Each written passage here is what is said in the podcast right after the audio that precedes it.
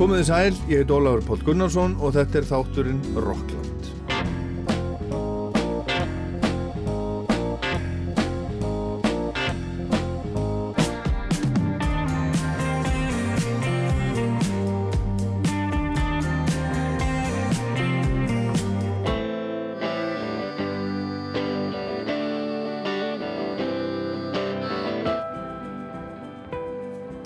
Þáttur nummer 1300 og af því tilumni þá ætlum við að heyra í dag brot úr ymsum gömlum þáttum og förum hérna eins langt aftur í tíman og við mögulega getum til að byrja með.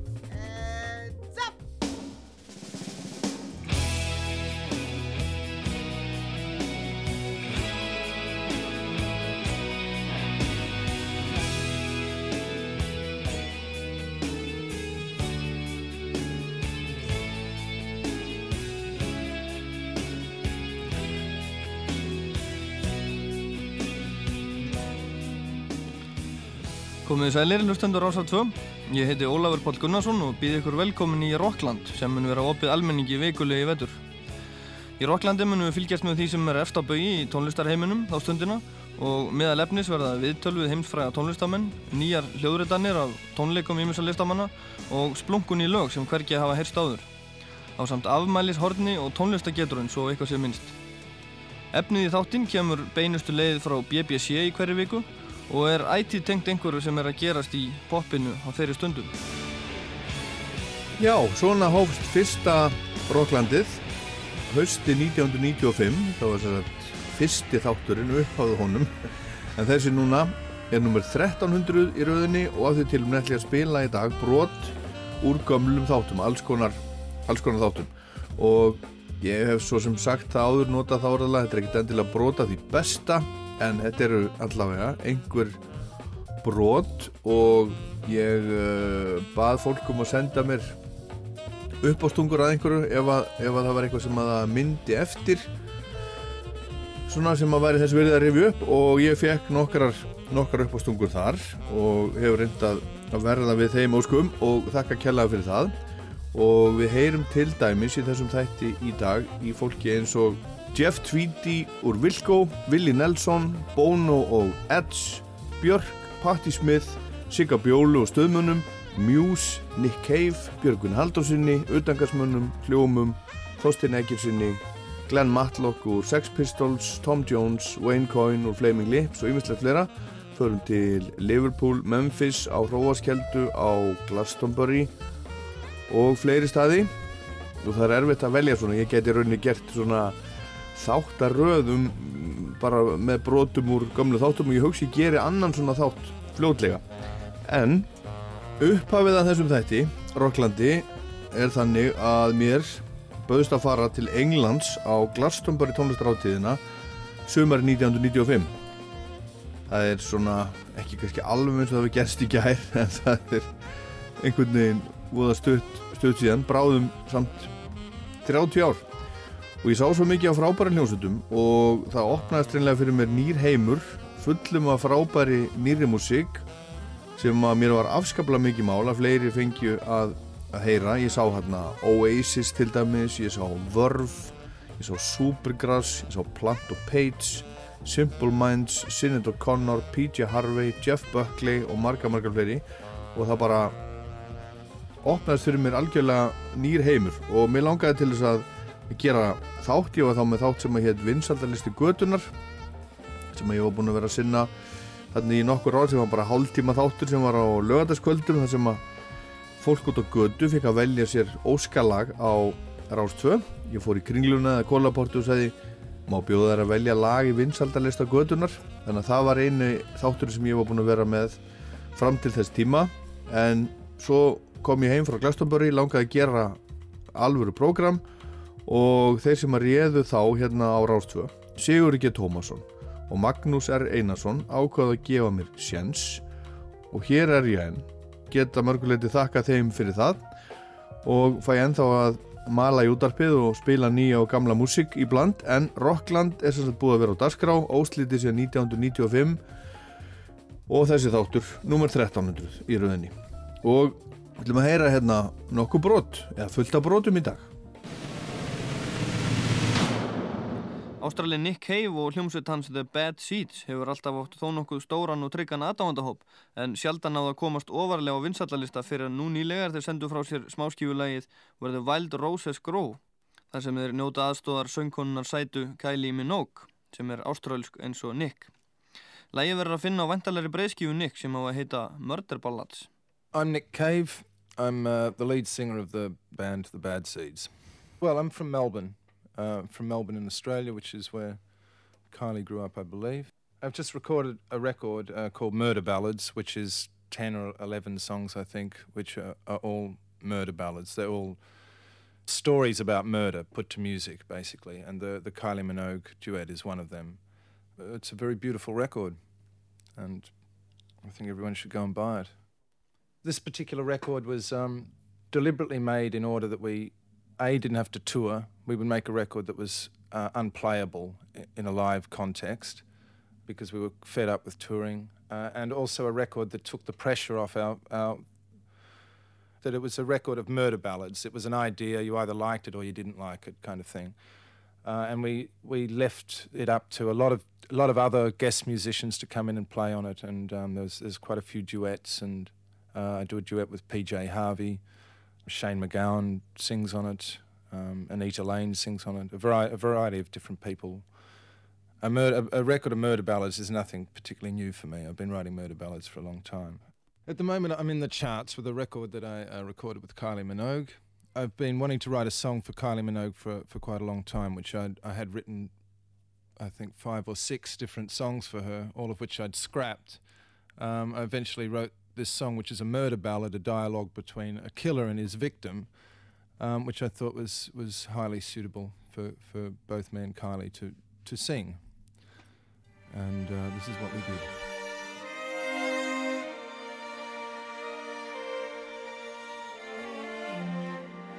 They call me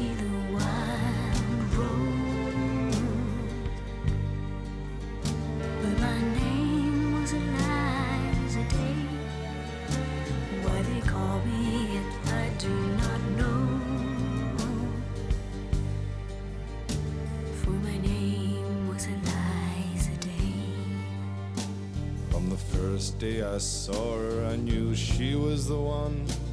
She stared in my eyes and smiled.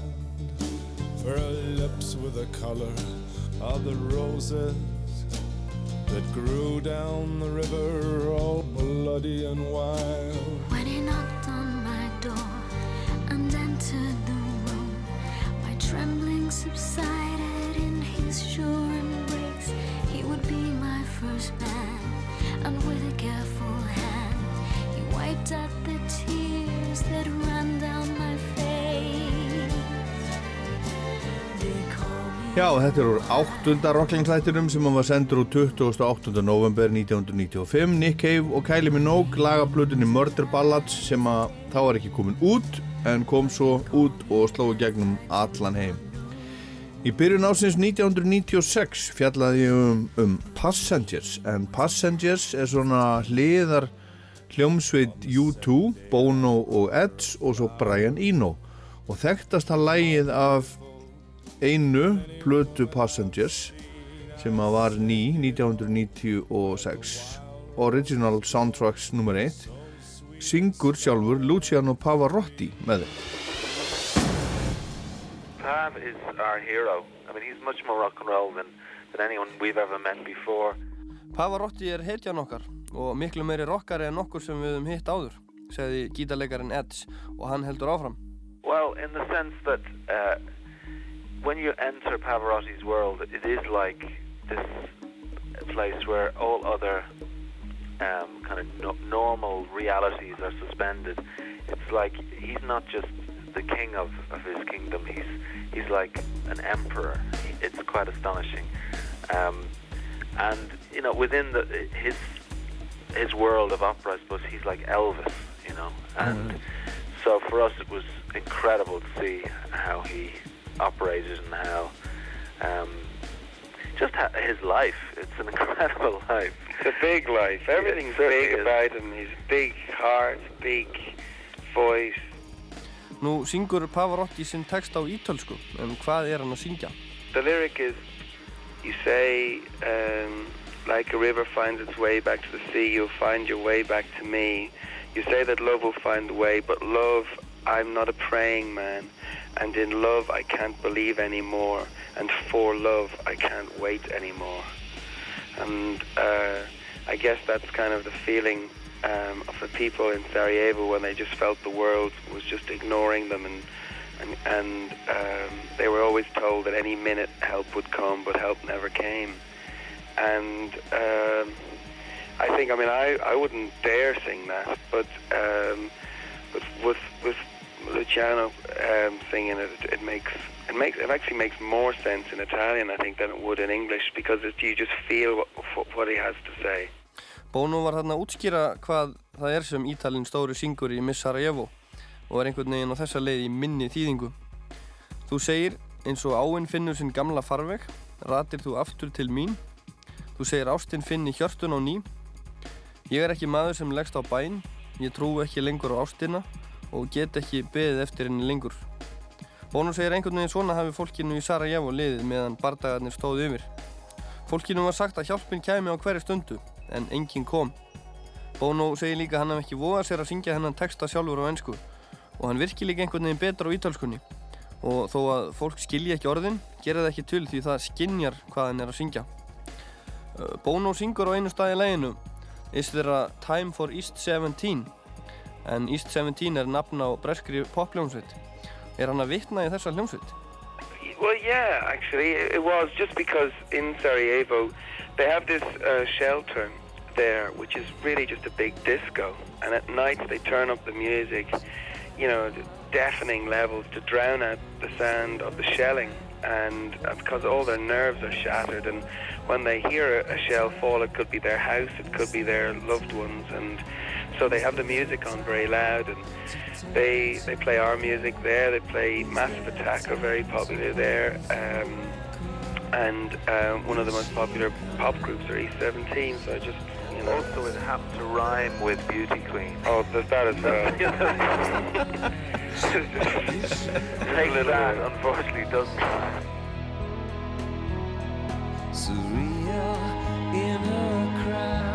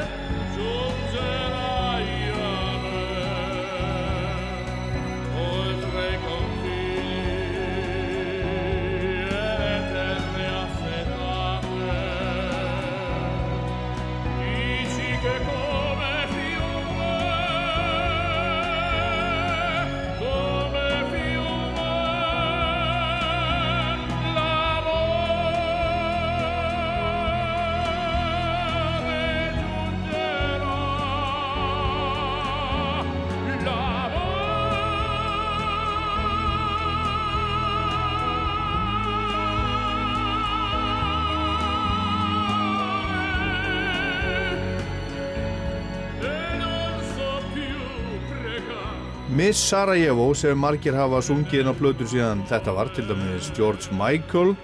Þetta er upprannlega útgáfan Passengers eða U2 í rauninni og Pavarotti með þeim. Hann lést 2007 og þeir kölluð hann Elvis óperuheimsis Þetta var bútur úr Rocklandi frá janúar 1996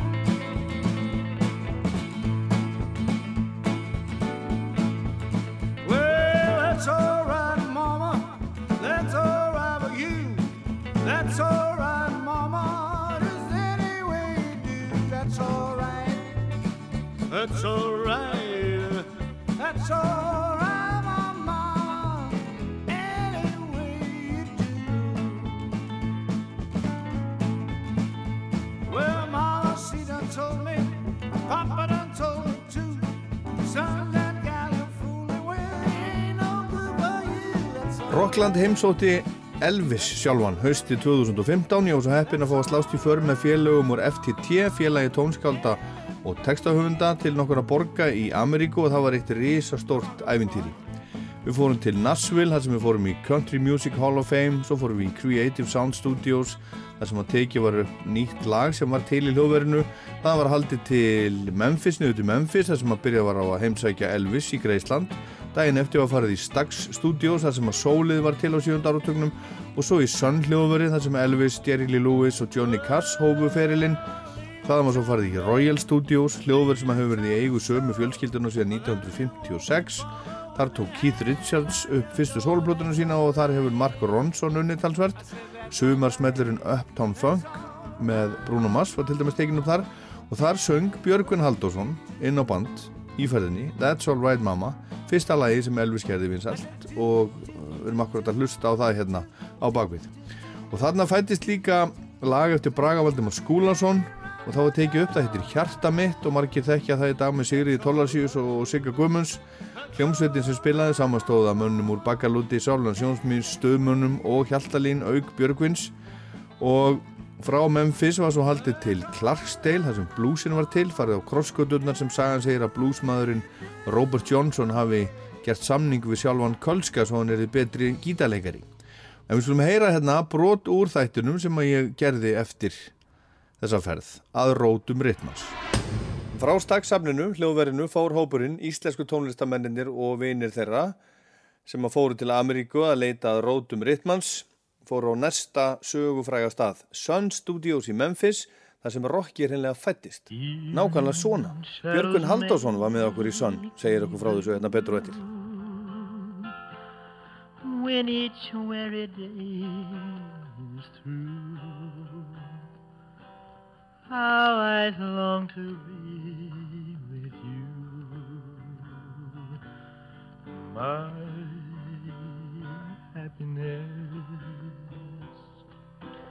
Every day I reminisce, dreaming of your tender kiss, always thinking how I miss my happiness. Já, það er skemmtilegt að er saga frá því þegar að Elvis kemur hérna, hann er, hann er hérna vörubílstjóri, vinnur hjá svona rafmagsfyrirtæki, litlum pick-up. 17 ára þegar Já, eitthvað svoleiðis og hann, hann langar að gefa glatis mömmu sinni upptöku með sögnum, því hann var alltaf að syngja í skólanum og svona. Og hann, eh, hann kemur hérna og samir ekkert við, hann. Marjón, engaritari er hérna. Og hann borgar einhverja, veist, 10 dollara fyrir að fá að taka upp. Og hann tekur lagið My Happiness fyrir mömmu sína. og þakka fyrir og vill endilega fá að koma aftur. Og segir við Marjón get ég komið aftur? og oh, we'll see, we'll see segir hann svona og allt í góðu. Og hann fer og Marjón er með upptökuna sko. Og hún er svo hrifin á honum. Bæði hvernig hann lítur út og hvernig hann syngur. Og hún, hún hérna geymir upptökuna og, og leifir Sam að heyra hana. Og Sam er eitthvað, já hann ekkert volað impressed sko. En hún er alveg að hörða á þessu sko. Og, og Sam síðan, já fá mann inn bara, fá mann inn. Svo kom hann hérna. Að taka upp svona og tók svona cover version svona fræg lög og svona.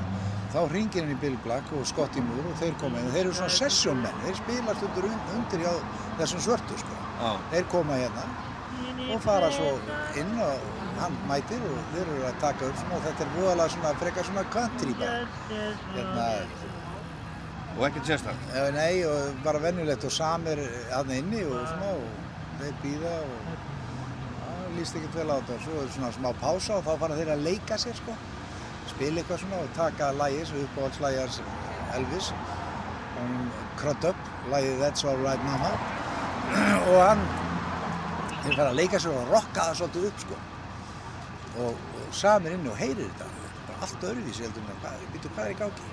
og það er opinn hurðin inn í kontralherbyggið sem það myndast þetta delay þetta sound, slapback, echo og Sam segir, veitu, hvað er þetta? hleypur inn og segir, hvað er það að gera, hvað er það að gera? og hérna ja, við erum bara just playing around maður, við erum bara að leika okkur maður.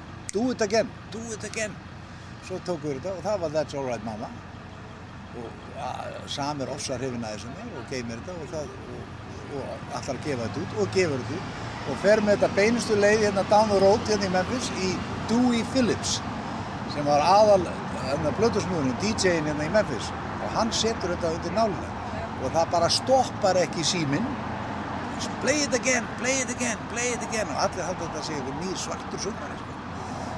og þetta verður svo eldur í sínu bara hérna um allt svæðið maður og það bara verður æðislega vinsælt og the rest is history Well, that's all right, Mama.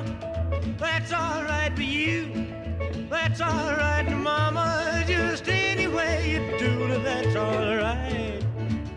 That's all right. That's all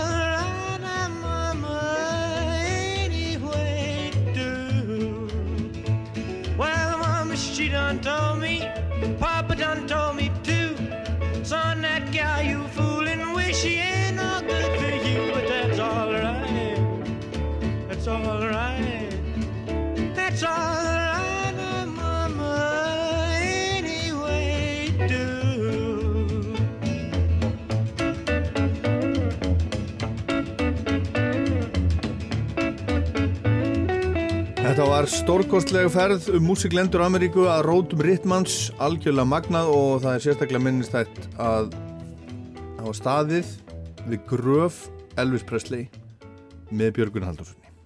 Það var skemmtilegt, ég man aldrei glema því. Og ég gerði þessu, þessari ferð skil í tveimur þáttum sem eru vel geimdir í safnir ása 2 og svo voru líka gerði tveir sjónvastættir um ferðina sem heita líka að rótum Rittmanns og það er búið að sína það á RÚF og þið getur fundið það kannski í RÚF appinu spilaranum. Nú skulum við fara aftur til ásins 2000 og heyra brotur þætti nummer 176.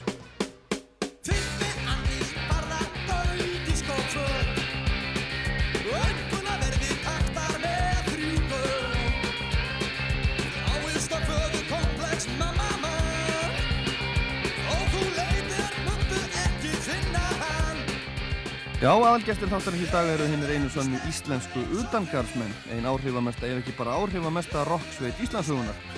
Hún starfaði ekki nema í eitt og hálft ár frá því í mars 1980 til setni hlut ásins 1981 en því líkur tími. Það var spilað út um allt, oft fyrir örfáar hræður, hljómsveitin lendi í slagsmálum út um all land og yfirleitt var það söngvarinn, frontmaðurinn, Bubbi Mortens sem þurfti að klást við slagsmálahundana í bæjónum. En hvert pláss á sinn slagsmálahund á hverjum tíma. Og svo náttúrulega löndu verið hvort annan líka. Utangarsmenn sendi ekki frá sér á ferlinu nema eina stóra blödu, Geislavirkir, sem kom út setjum hlut ásins 1980 en svo kom út líka lítilplata, Rækju Rækji ein 6 laga 12 tóma 45 snúningar sem fikk titilinn 45 RPM og svo eftir að bandi sprakk í tætlur um hausti 1981 kom út Sapplata sem hefur að geima bæði efni sem hafði komið út á hinnum tveimur sem og lög sem hvergi voru til fyrir hún heitir í upphafiskildi Endin Skoða Ég hef lengi gengið með þann draum í maðanum að þessi hljómsveit sem hefur alltaf tíð síðan ég var 11 ára gammal verið mín uppáhald hljómsveit kæmi saman á ný og núna í síðustu viku gerðist það með glæsi brag. Við Hjálmar Hjálmarsson og Eva Maria Jónsdóttir sem hafa umsjón með sjónvartættinum Stutt í spunan áttu sér líka þennan sama draum og tóst með dálitilli fyrir höfn að koma bandinu saman. Við spiluðum í sjónvarsal á 50 daginn og ég brá mér niður eftir til að hitta góðan og rockarana gamlu og leggja fyrir þá nokkrar einfaldar spurningar tengdar hljómsveitinni. Ég byrjaði á að spurja Bubba því hvort hann myndi hvernig þetta utangarsmanna æfintýri byrjaði allt saman. Já, já, upphæði byrjaði kassagerinni. Það er það sem að ég mann. Og Mikki Pollock. Hvernig þetta byrjaði? Það var svolítið langar aðdragandi á þessu. Um, haust 70, já, ég og Danni vorum búin að þekkja Bubba einhver tíma áður en byrja á Ísbjörnablues og við unnum með honum upptöku á Ísbjörnablues frá byrjun til enda. Á meðan það stóði yfir, þá byrja ég og Danni að æfa út í bæ með Magga og Rúnar. Og það var svona endaspölið á hérna Ísbjörna Blues, það það var margir, margir tónlistamenn að koma það við sögum. Þá komum við Maggi og Rúnar loksins inn í stúdióið og við tókum upp Jón Pankara. Og um, í mínum huga það er eiginlega að þetta augnablík, þetta point sko sem utangarsmenn sem satt byrtast. Og Danni Pollock. Já, það byrjaði í kassagerðinni. Ég og Mikki var að vinna hann og svo Bubbi og ég var að kynna um Bubba og heyrði að hann var að gera svona dillónefni og reyna að taka þetta upp á multirásum og allt það. Og ég kynnti Bubba fyrir Mikka og við fórum upp í tóntekni, eða, já ég heit það, og tók þetta bara allt, allt upp á eina kvöldstund. Og svo byrjaði rafmannskítarna að komast inn í þetta og þá var það Ísberðan Blues. Þannig byrjaði þetta. Rúnar Ellingsson bassarleikari segist bara ekki muna neitt. Nei. Jó, eh, byrjaði, já. Þeir... Þetta byrjaði nú allt saman ísbjarnablús, eins og þú veist. Og uh, ég var nú stættur á Ísafyrði þegar þeir voru að dunda við þetta í, í stúdíónu.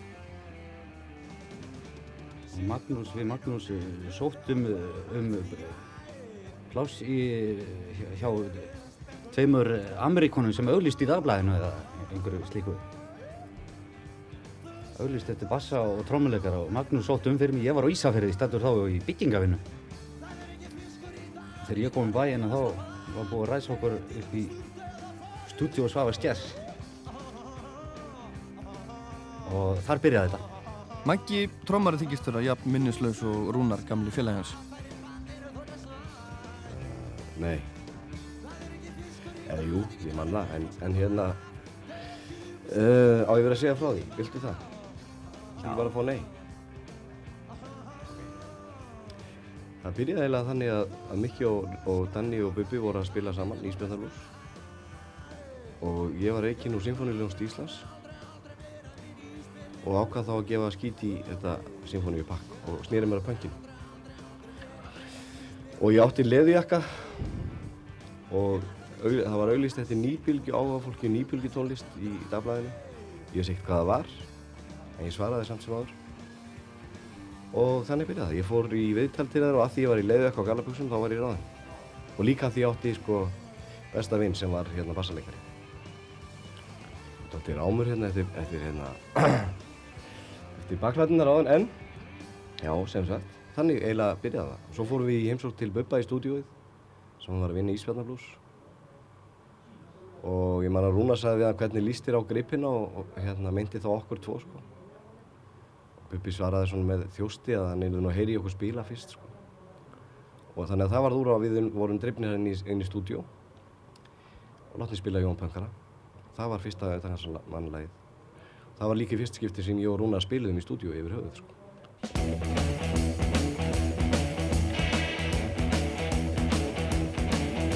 Svartir, sögðir, glatað fjö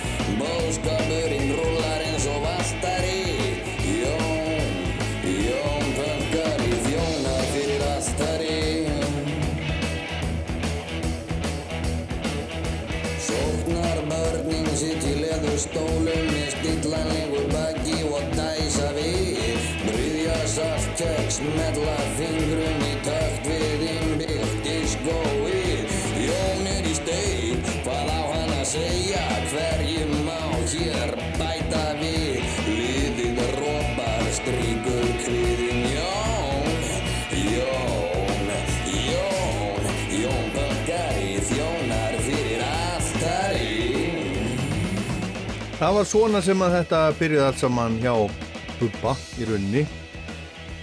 Jón Pönkari, fyrsta lagi sem utangarsmenn uh, spiluðu inn á band í upphafi árs 1980. Þetta er að finna á fyrstu soloplötunum Bubba Ísbjarnablúsnum sem markaði mikil tíma móti í íslenski popsögu. Þarna var bara eins og verið búið að hræra saman Bob Dylan, Class, Sex Pistols, Rolling Stones og hinn og þessu í svona íslenskan músikkoktel. Hello. Hello, hello, hello, hello, hello, hello. Johnny Rotten here. Hello, Rockland. How you doing? Have a bang of this number, baby.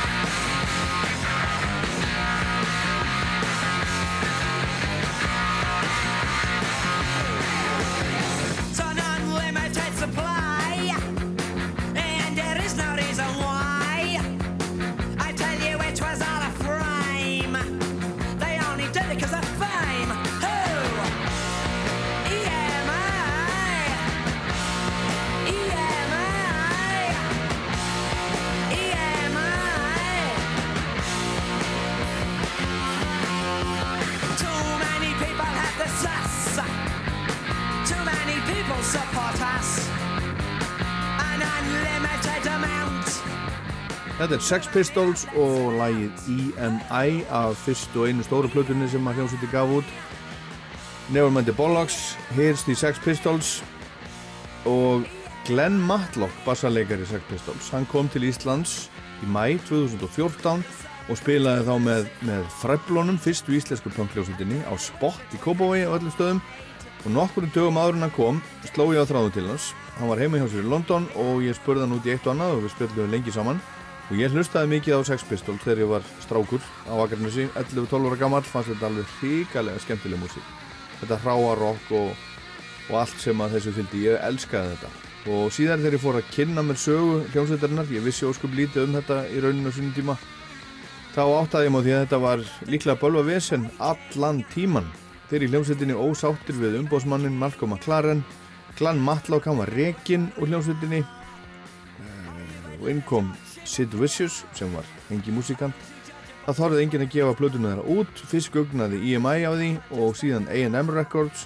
Þeir fengur hvergi að spila í Breitlandi voru bannaðir frá tónleikastöðum og svo leysið þetta allt saman upp eftir túr um bandarækin og kannski vildu þeir bara vera hljómsveit fá að spila, halda tónleika. Þetta varði einhver svona sirkus sem að þeir reyðu bara ekkert ekkert við. Og ég mæli með því að fólki voru áhuga á, á þessu Sex Pistols að sjá þættina sem eru á Disney Plus.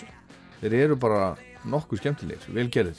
En sem sagt, við spjöldum saman í síma áður en að, koma. Glenn og ég spurði hann hvort það hafi í raun og veru verið eitthvað gaman í þessari hljómsveit Sex Pistols. It's kind of started off as fun, and I mean, if- it's, it's weird asking me, and maybe even the other guys in the band, because it was our first proper band, and what happened to us seemed because we had no experience of being in any other bands, it sort of just kind of fell on us, and we didn't know that it wasn't any different from any other bands, you know, because that was our experience. It's like when people ask um, Keith Richards, you know, what's what's he think about like ordinary life? And it's kind of funny. He says, "Well, don't ask me, mate. I've been a rock star for the past forty-five years. I don't know, you know, and I don't really know any different. It was just like that, and that's kind of what happened, you know. Yeah, there was there was fun moments. We wasn't too. We didn't take ourselves that seriously. No. You know, but people and people put lots of things on our shoulders that um, kind of suited their purposes. But you know, we were part of a big, massive sea change in popular music. But I th- like to think we kind of simplified things a lot. You know, leading up to that part. Um, you know, that time there, there, there was all these horrible bands. You know, singing about hobgoblins and gremlins and you know, Yes and Genesis. It was just Yeah. rubbish. It didn't relate to us. But it's interesting that you said that, you know, you started listening to music when you was 10, 11, was aware of Sex Pistols. I mean, I did the same thing. Uh, but, but the bands I liked coincided with, we had this fantastic thing in England called Pirate Radio when uh, um, there was no national pop music station and there was these boats broadcasting musically illegally from just outside British territorial waters. But you know, Caroline Radio London, Luxembourg, although that wasn't really a pirate station, but you know, but that coincided with the with the Stones and the Kinks and the Small Faces and the Who and the Yardbirds coming through for the first time. And that was very exciting. And when we started the band, because of all this high blown Yes and Genesis and Jethro Tull and all that nonsense, we kind of took a step back. You know, I've, all the guys picked up on different things.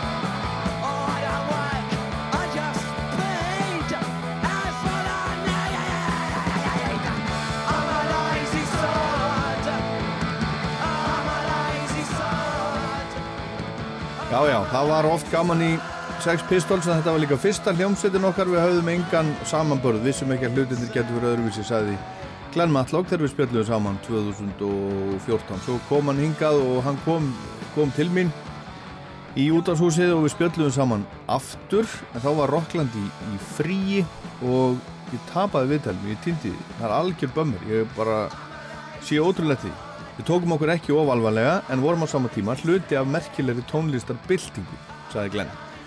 Og hann var eins og svo margir af þessum frum punkurum, lítir hrifin af músík stóru hljómsveitina sem voru í gangi á þessum árum proggbandana, Yes, Jethro Tull og Genesis, það sem allir voru svakalega flinkir sviðin reyngarlega stór, laugin laung og allt var mjög alvarlegt og ofta er hann ekki sungið um svart álfa, púka og tröll eða menn með sverð og það var, það var mikið bíl á milli þeir sem voru upp á sviði og þeir sem voru út í sal en punkið í rauninni breytti því svolítið. Sex Pistols átti sinn þátt í því að einfalda hlutina og hjálpa fólki að muna út á hvað rock and roll gekk. Stuttlög, hátt og gaman.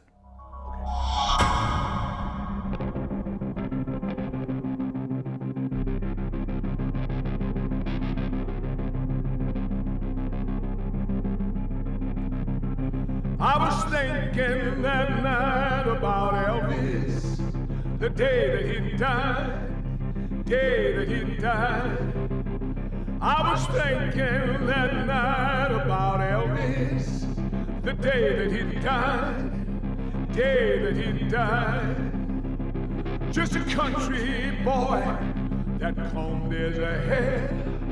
He put on a shirt his mother made and he went on the air and he shook it like a chorus girl. Yeah, he shook it like a Harlem. Já, dömur mínur og herrar, þetta er Tom Jones, Sir Tom Jones, velska kindröllið og stórsöngvarinn Tom Jones sem heimsótti Ísland sömari 2015, þá 75 ára gammal, helt frábæra tónleika í tróðfullri ljóðarsvöld. Það var algjörlega frábært. Og hér er hann að syngja lag eftir Lucinda Williams sem hann tók mitt á tónleikunum. Þetta var einn á hápunktum tónleikana, Elvis Presley Blues.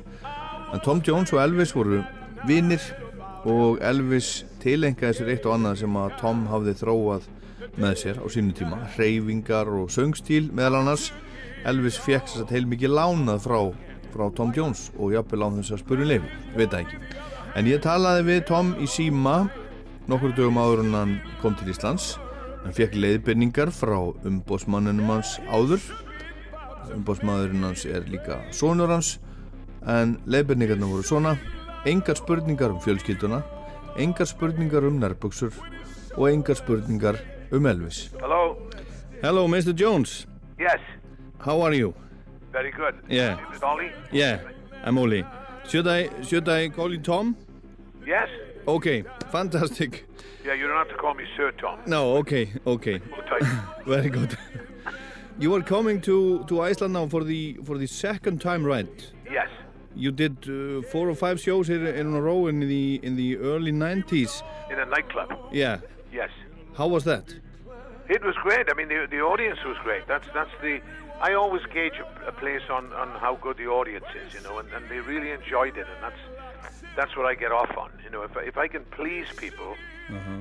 and get a response uh, from people, that makes me happy. Yeah. And, and, and that's what I got. So I, you know, I got a good good experience there. You're a pleaser. Yes. yeah. So I, you know, so so that's what I want to try and do again, and, and, and it's going to be a different venue. It's not going to be a nightclub this time. So I'm curious to to find out, you know, what has happened in Iceland since I was there last. It's because there's a girl that sings. Um, I, I go to a, a restaurant in in uh, Beverly Hills Mm-hmm. called Vibrato, and it's a sort of a jazz club restaurant, you know. And there's an Icelandic girl that sings there, and she, um, you know, she she she's sort of. A, I saw her last week, and she was excited that I was coming to Iceland, and she said, you know, Uh-huh. it's going to be great. So Are you are you talking about Anna Mjöll? yes, Okay, I know her and, and her mother. She works here at this at the station. yeah, right. What, what does a, a mother do? A mother um, does something there. She was telling me. Yeah, she's uh, she is also a, a singer. Yes, exactly. That's what she told me. She is a legend here in Iceland. That's what she said. I, mean, Yeah. I, didn't know, I didn't know how true it was when she told me, you know. Yeah. Because, but she said her mother is a bit of a legend there.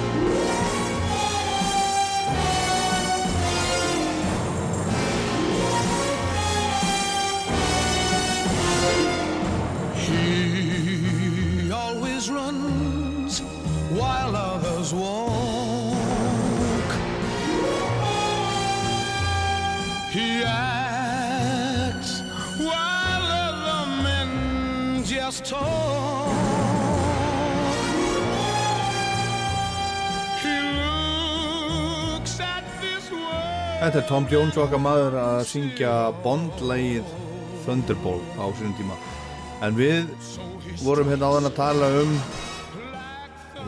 hann var spenntur að sjá hvernig Ísland hefði breytt síðan hann var hérna síðast. Hann kom hérna í gamla daga og söng á Broadway, Hotel Íslandi. Og svo sagðist hann að við hitt þarna nokkur áður söngkonu á, á klubbi í Los Angeles. Og þau fóru að ræða málinn, tala um Ísland og svona. Og söngkona sagði henni að mamminar væri, væri dálítið til góðsögn á, á Íslandi. Og þetta var hún Anna Mjöll að tala um mömmu sína, söngkonuna og útvarskonuna Svanhildi Jakobsdóttur og svo töluðum við aðeins um, um Guð ég og Tom Jones And do you believe in God? Do you go to church? Yes, I don't go to church. Um, I, I, I feel that, you know, God is inside you. I, I don't think you have to go into a building in order to pray. I pray every night. I get up Okay. knees by my bed, you know, and, and I pray before I go to sleep. I, I've always done that. So I don't, I don't think you have to be a churchgoer to be uh, a good person, you know, and believe in God. Mhm. And, and on the song um, Nobody's Fault But Mine uh, if you go to hell it's your own fault Yeah. it's about that Yes, exactly. and do you fear, That's fear a great that? example. I mean, that's a great example. You just picked on, you just picked on a great. Nobody's fault but mine. I mean, Uh-huh. that's, that's true. You know, I mean, like a Bible. I got a Bible in my home, but if I don't read it, Uh-huh. you know what I mean? It's nobody's fault but mine. It's all there, but if you don't, if you don't, um, if you don't do it, you know, it's, it's your own fault.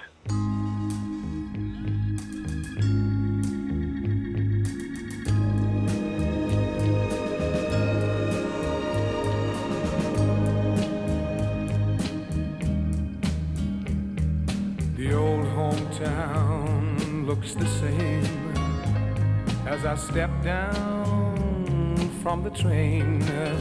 And there to meet me is my mama and papa. Down the road I look and there runs Mary hair of gold and lips like cherries. It's good to touch the green, green grass of home. Yes, they'll all Green Green Grass of Home. Tom Jones, algjörlega stórkostlegur söngvari, mikið uppáhald. Og hann er búinn að gefa út flottar plötur undanfara nára sem hann fer í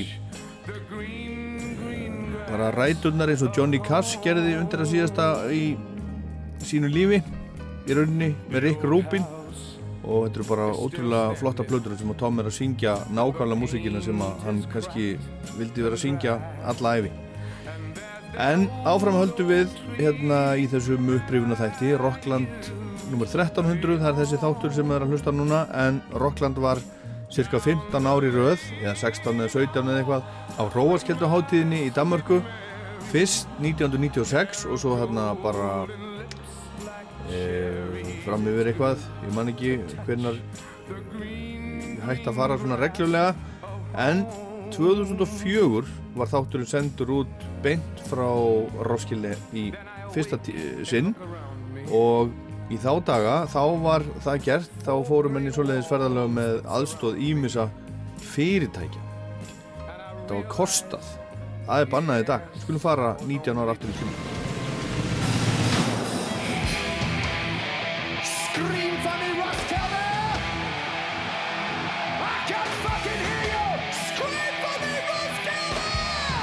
Hróarskjölduháttíðin er hafin. og okkar maður á rásinni Óli Palli er á svæðinu og segir okkur nýjustu tíðindi af og til. Fylgstu með Róarskeldu hátíðinni á Rástvö alla helgi. Það er líka blöytt í útlöndum. Klættu þig vel. 66 gráður norður. Lág flugfargjöld til London og Kaupmannahafnar alla daga ársins. Bókaðu flug á netinu. Icelandexpress.is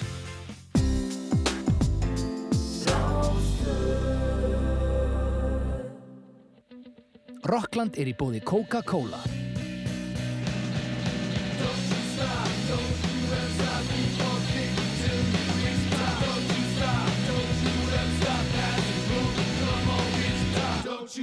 Skoraðu með Coca-Cola í sumar. Það er líka blöytt í útlöndum. Klættu þig vel. 66 gráður norður. Lág flugfargjöld til London og Kaupmannahafnar alla daga ársins. Bókaðu flug á netinu. Icelandexpress.is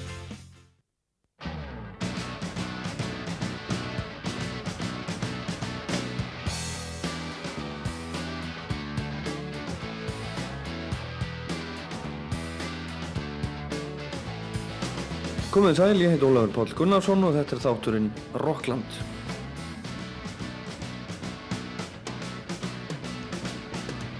Þátturinn í dag er sendur út beint frá Róaskjölduháttíðinni í Danmörku þar sem hefur ringt ansi mikið undanfanna daga og vikur. Þannig að háttíðarsvæðið er orðið ansi sjoppulegt núna þegar komið að kvöldi fjórða og síðasta dags Roskilde Festival sem haldin hefur verið óslitið síðan 1971. Það var orðið uppselt á 50 daginn þegar hátíðin var formlega sett. 75.000 gestir mættir og svo eitthvað náttúrulega 25.000 manns þar og ekki í vinnunni svona við hitt og þetta. Það eru inni, inni þeirri tölu eru þeir sem eru að spila og þeir sem eru að þrýfa hérna og selja mat og ímyndslegt svoleiðis og fjölumæla fólk. En þetta er nýmæli í sögur Rocklands að þátturinn sé sendur út beint frá Róaskjaldaháttíðinni. Mín hægra hönd í dag er Hjörtur Fávarsson tæknimaður og það sem við ætlum að bjóða upp á í dag er að mestu leiti lifandi tónlist, nýju uppteikin sem danska ríkisútarfið hefur hljóðrættanum um helgina. Við heyrum til dæmis í Nerd, Silver, Amparanoia, Tim Christensen, Joss Stone, TV on the Radio, Kings of Leon, Morrissey, Baby Woodrose, Bergman Rock og Pixies svo til dæmis og hugsaðlega eitthvað, eitthvað meira. Sumnöfnin eru auðvitað stærri og þekktari en önnur en eh, einhvern veginn og einhvern staðar þarf maður að heyra músík í fyrsta skipti, þetta veit allir. Það verður sagt mikið af aðtiklisverðri músík í Rocklandinu í dag í beinni útsendingu frá Róaskjöldu. Ég á vona á góðum gestum líka í heimsók. Arnar Ekkert Tórótsen, blaðamaður á Morgunblæðinu ætlar að koma í heimsók. Sveitar Rúnar Haugsson, læknir og formaður félagsins Ísland-Palestína líka, hann er á sveðinu. Svo heyrum við líka í nokkrum öðrum Íslandingum sem ég hef hitt um helgina, heyrum hvað Danir vita um Íslandinga. En uh, nú skulum við fá músík, skulum fá popstjóðunar í Nörd sem spiluðu á fyrstutaskvöldið klukkan 7 í Arena tjaldinu.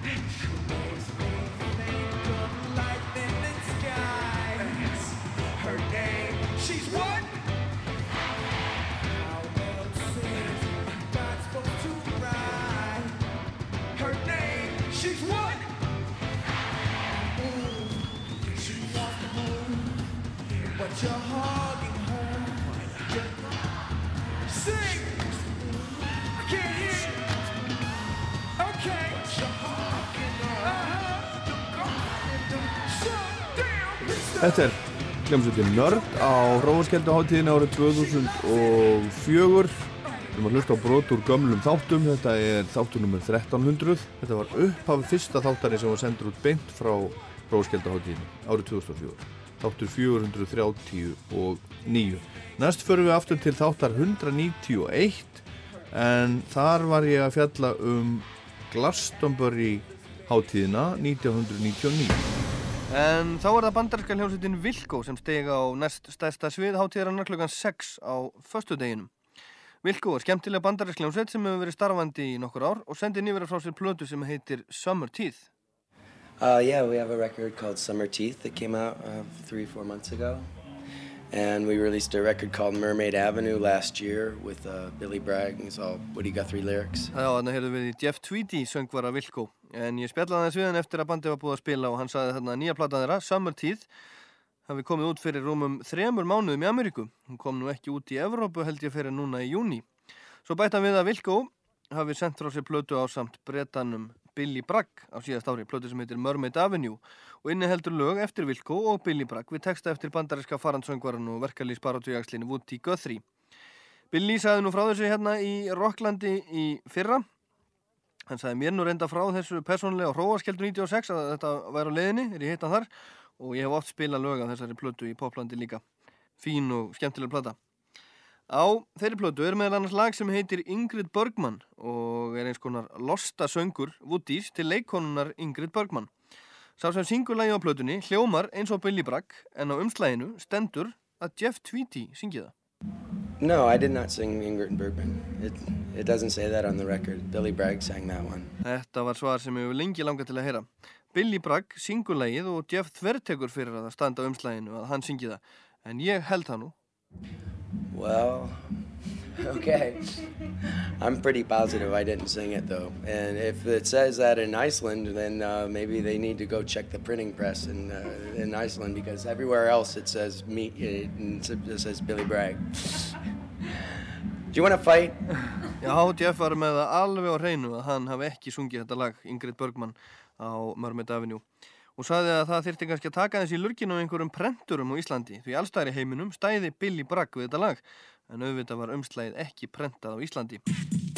Við höldum áfram með Rockland nr. 1300 hérna rétt á endur.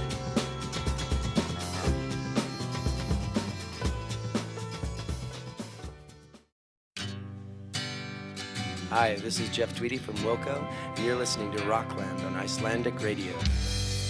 Jeff stýtti svo nefan framann í mig og spurði hvort ég vildi slást. Well, like I said, maybe somewhere in Iceland somebody needs to get their ass kicked because that's wrong. I wish I'd sang it, it's a really nice song. Já, Jeff kennir íslensku prentarastjættinum þetta klúður með þessa villu og umslæginu en bætti við að hann hefði alveg viljað syngja þetta lag, þetta væri gott lag. Hann let vel að Billy Bragg og sagði að það væri önnur svona plata á leðinni, Vilko og Billy Bragg, með nýlög við texta eftir Woody Guthrie, en samt ekki alveg strax. It'll probably be a while before it comes out, but there's some, there's definitely a lot of stuff left over, and hopefully we'll get a chance to write some more stuff and get back in the studio and finish it. But um, it could come out the way it is, but I think from, from Wilco's point of view, we'd like to work a little harder on it, and make it le- sound less like outtakes. But there's some great stuff left over. Þeir eru byrjar á þessari plötu en Jeff segist vilja vanda þess meira til versis en síðast svo þetta hljóma ekki eins og einhver afgangur. Þannig að það geti orðið einhver byð á að þetta komi út en hann segir að það sé til heil hellingur af góðum textum eftir Woody. The ashtray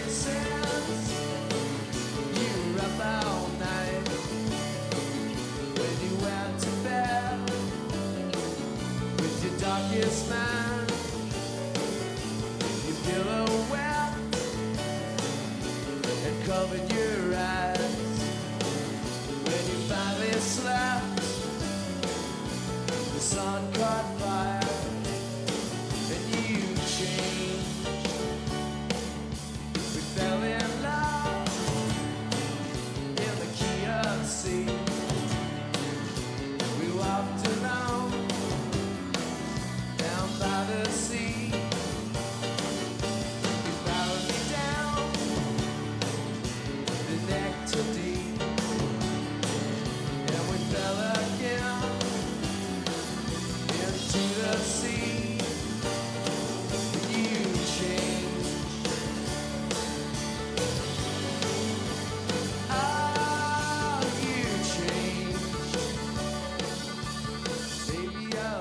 Wilco á Glastonbury hátíðinni á Englandi.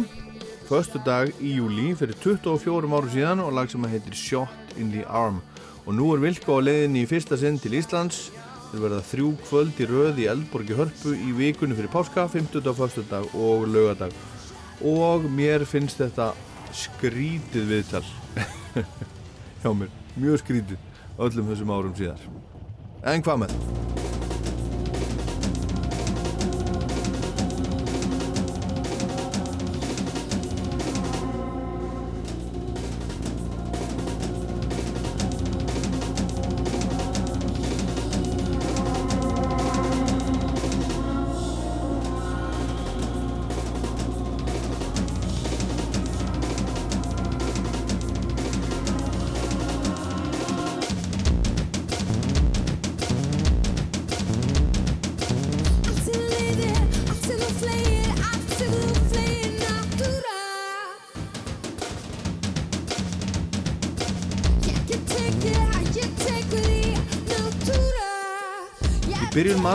2014 var haldið bladamannafundur í Hörpu þar sem verið var að kynna tónleika sem að fóru svo fram í Eldborg í Hörpu 18. mars en þar komu fram Highlands, Young Karen, Patti Smith, Mammut, Retro Stepson, Off Monsters and Men, Björk, Samaris og Likke Lee.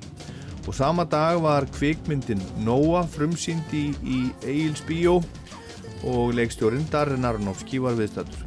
Myndin sem fjallar um syndaflóðið sem sagt er frá í biblíunni og Nóa sem byggði örkina sem bjargaði mönnum og dýrum þegar allt voru kaf var að miklu leiti tekin hér á Íslandi sömari 2012 og við tökur á myndinni lagði leikstjórin Darren mikla áherslu á að valda engur raski á náttúrunni. Allur ágóði á bæði tónleikonum sem að voru haldnir Stopp gætum garfsins og frumsýningumindarinnar rann í söpnun fyrir landvend og náttúruvendarsamtöku Íslands. Það eh, var tilgangur með þessu öllu saman. Og Rockland var á bladamannufundunum þegar þetta var allt saman kynnt og líka á öðrum fundi sem var haldinn af sama fólki í hörpu á tónleika dag Ég ætla bara að þakka öllum fyrir sem er búin að vinna svona mikið, grímur að skipulegja þetta allt og, og uh, allum tónlistamennunum og, og þeim hér og öllum, sorry I'm missing okay. Icelandic.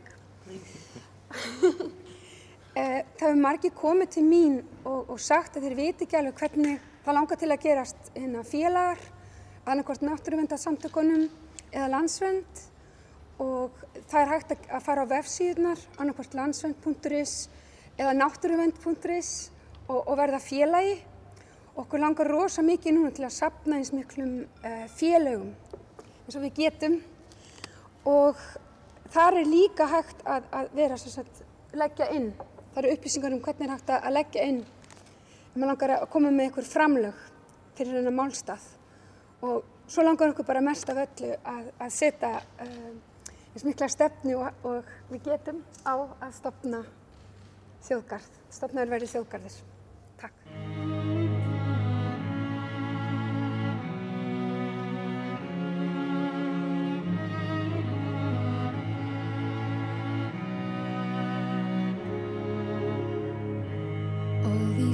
Accidents that happen follow the dot. Coincidence makes sense only with you. You don't have to speak. I feel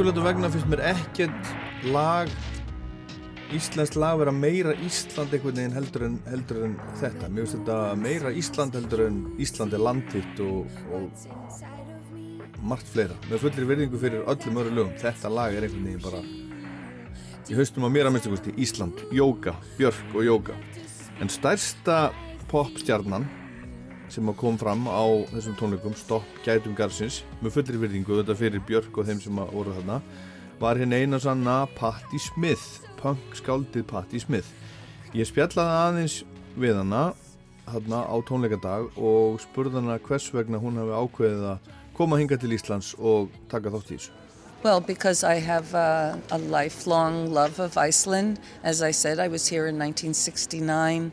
Um, this is the place when I have a few days uh, to myself to have both, um, you know, to to have a, a beautiful contact with nature, to ride the the beautiful Icelandic ponies, to see all of the different landscapes, and uh, to experience clean water and clean air. And I really I have seen all over the world what happens with these so called progressive advancements on our land. And I'm just hoping that uh, if I can, in even a small way, be of assistance or as a servant or a spokesman, then I am here. I love Iceland. Um, of course, uh, change is very difficult for me. I'm, I was still mourning the fact that uh, they're taking away uh, the Nassau Club, which was such a great club, uh, really known everywhere, and such a historic club. Um, but can't save the club, perhaps, but let's please save the, the earth. Let's Yeah. please save the, the natural beauty of Iceland.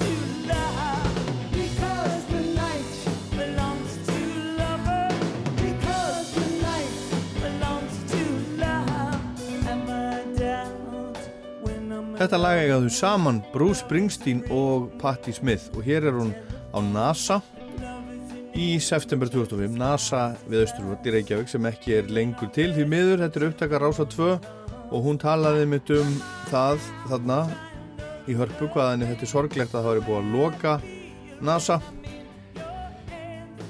Hún kom ykkar til þess að syngja á þessum tónleikum Stopp gætum garðsins. Og Patti, hún segist elska Ísland kom ykkar fyrst 1969 þegar hún var 22 ára gömul hefur komið nokkur um sinnum síðar og henni finnst gott að vera hérna frá Hesbak og njóta náttúrunar reyna lofsins og reyna vatsins vonandi er hægt að bjarga náttúrunni og ef að hún á einhvern hátt getur gert gagn þá sé hún klári í slægin sagði hún þarna þegar við spjöldum saman. Hún kom einn til landsins í þetta skiptið og fekk íslenska tónlistamenn til þess að spila með sér á þessu tónleikum meðal annars lægið Because the Night og enga smá spada Guðmund Pétursson gítarleikara og Eithor Gunnarsson píjónuleikara og Messoforti og hún ringdi bara beint í Eithor og sagði Sæll Eithor, þetta er Patti Smith Ertu til að spila með mér nokkuð lög? Well, I mean, I feel very um, fortunate because um, I, I came here and, uh, and, and, and had the opportunity to play with, with two wonderful musicians. Um, they were so prepared. They, I, I, and I feel like I've played with them forever. I Oh. mean, he is fantastic, and I Mhm. just feel like um, uh, it won't be stressful or strange. I feel like there's a certain brotherhood that can happen in music, well, in every walk of life. Mhm. But when you have uh, music, depends on people really listening to one another and trusting one another. Mhm. And this was the situation immediately. So I'm looking forward to tonight. Okay, and that is Eithor and, and Gummi Yes. yeah. And will you play People Have the Power? Yes, we're going to um, play People of the Power. Um, we're going to do a Lou Reed song. We're going to um, play uh, um, Pissing in the River and uh, another one, Because the Night. So it will be strong, I hope, Mhm. and I'm I'm proud to be here. the The concert hall is beautiful. It's a uh, acoustically a very Yeah. good hall. Sometimes these new halls or newly built halls are they're all architecture and they don't sound very good, and you think the architect was more concerned with his design than sound. But in this particular um, hall, the sound is great. So Mhm. I'm looking forward to it.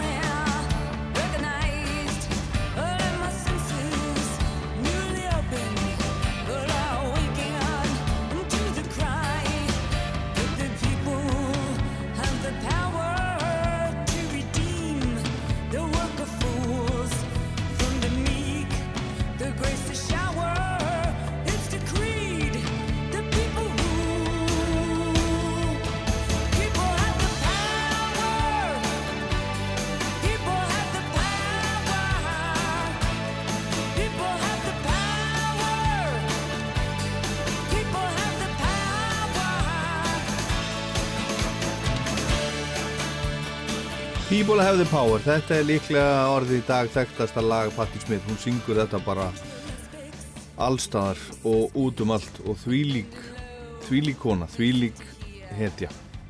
Tónlistar hetja, við tekum ofan fyrir henni alla daga. Í þætti númer 626 var Rockland í Liverpool og það var nú skemmtilegt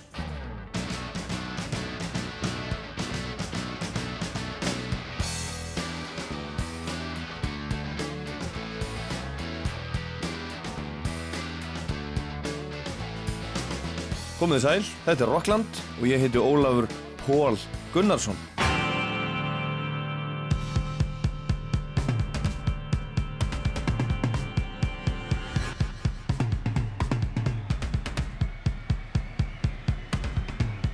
Já, þátturinn í dag er með talsvert öðru sniði en venjulega. Þetta er bítla þáttur og í helstu hlutverkum eru Paul McCartney, Liverpool, Hljómar frá Keflavík og hundrað Íslandingar sem smeltu sér í bítla pílengriðsfæri til bítlaborgarnar um síðustu helgi undir digri farastjórn Jakobs Frímans Magnússonar, stöðmanns, miðborgarstjóra og formanns FTT sem stóð fyrir ferðinni. Gott fólk, það er smá þögn, smá þögn í salin, í rútusalinn. Verið að hjartalega velkomin til uh, Bítlaslóða, Manchester á leiðin til Liverpool, að Mersey fljótinu sem Mersey bítið er að sjálfsögðu kemp við. Við ætlum að gera þetta frábæra og skemmtilega ferð. Við erum sem sé öll hér, það var hópur sem fór í morgunni gegnum London, hann er búinn að tjekka inn á Adelphi hóteli, þetta sögufræga hótel sem að þessi fyrstu drauga John Lennon voru lögð á fóreldrunum Fred og Julie þá 14 og 15 ára gamlum. Það liði 10 ár þangar til John kom undir. En Fred var pitt á þessu hóteli svo þegar hefur komið fram. Já! The Beatles, flottu gæði og lagið Twisted Sister, þetta var að sama dæmið og það fannst mér bara að vera bingo. Sko bílarnir eru endalusir, bílarnir eru endalusir.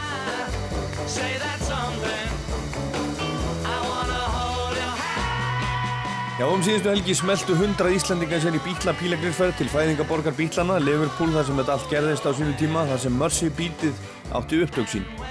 Það var FTT, félag tónskálda og textahöfunda sem stóðum fyrir ferðinni til um 25 ára amali félagsins í ár og FTT bauð almenningi líka að koma með og það var hellingur á bítlaðadáðundum sem að nýttu sér það, en það er minnstakt tækifæri að ræða. Magical Mystery Tour, bítlaskoðunarferðum Liverpool, Sgt. Peppers, sjó í Cavern klubnum, Hátíðar kvöldverður á Hard Day's Night, Bílahótelinu í Liverpool þar sem fyrstu umbóðsmaður bílana var heiðusgestur, tónleikar með Paul McCartney á Anfield Road og síðast en ekki síst, tónleikar með sjálfum hljómum húnum íslensku bílum í Cavern klubnum 44 árum eftir að þau spiluðu þar fyrst árið 1964 og þar slóuðu líka sinn loka hljóm sem við vissum ekki. Og þessari reysu ætla ég að gera skil í Rockland í dag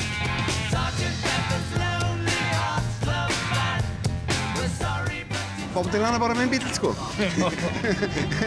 En hérna já, ég bara, ég flokka þetta ekkert svona sérstaklega. Það er bara lögin, eitt og eitt lag sem að verður heitlað mig gegnum tíðina, mjög mikið. Og ég er náttúrulega rosalega svona, það var á, á, ákveðin tilnefing til okkar að fela svolítið, hjá okkur að fela svolítið McCartney sko að hvarf eitthvað í kúlinu frá Lennon á, á, á tímabili. En ég held að hann sé nú að bara sanna sig sem eitt almesta tónskáld bara Alveg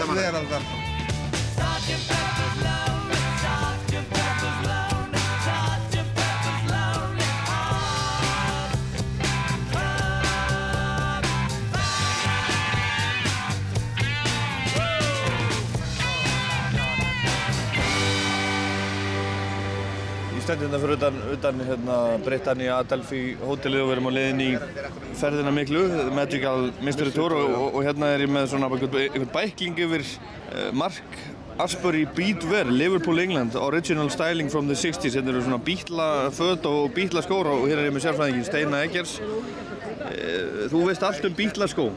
Sko, hérna eru svona ýmsar típur af því. Þetta er eins og típur, og sko bítlaskór, uh, hérna uppalega Chelsea Boots, er bara uh, Chelsea Bouncer og Bouncer og Chelsea. En til þess að verða bítlaskór... Hvað svona einkennir þær? Það, það eru uh, támjóar og, og fara svolítið upp á, upp á kalvan sko. En til þess að vera ekta bítlaskór þá, þá þarf að vera kúpuhæll undir þeim sko. Og hvernig er kúpuhæll?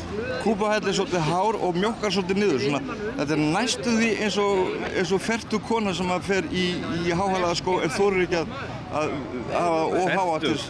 Já, plús. eins og ég var að máta á þann Já, er, já.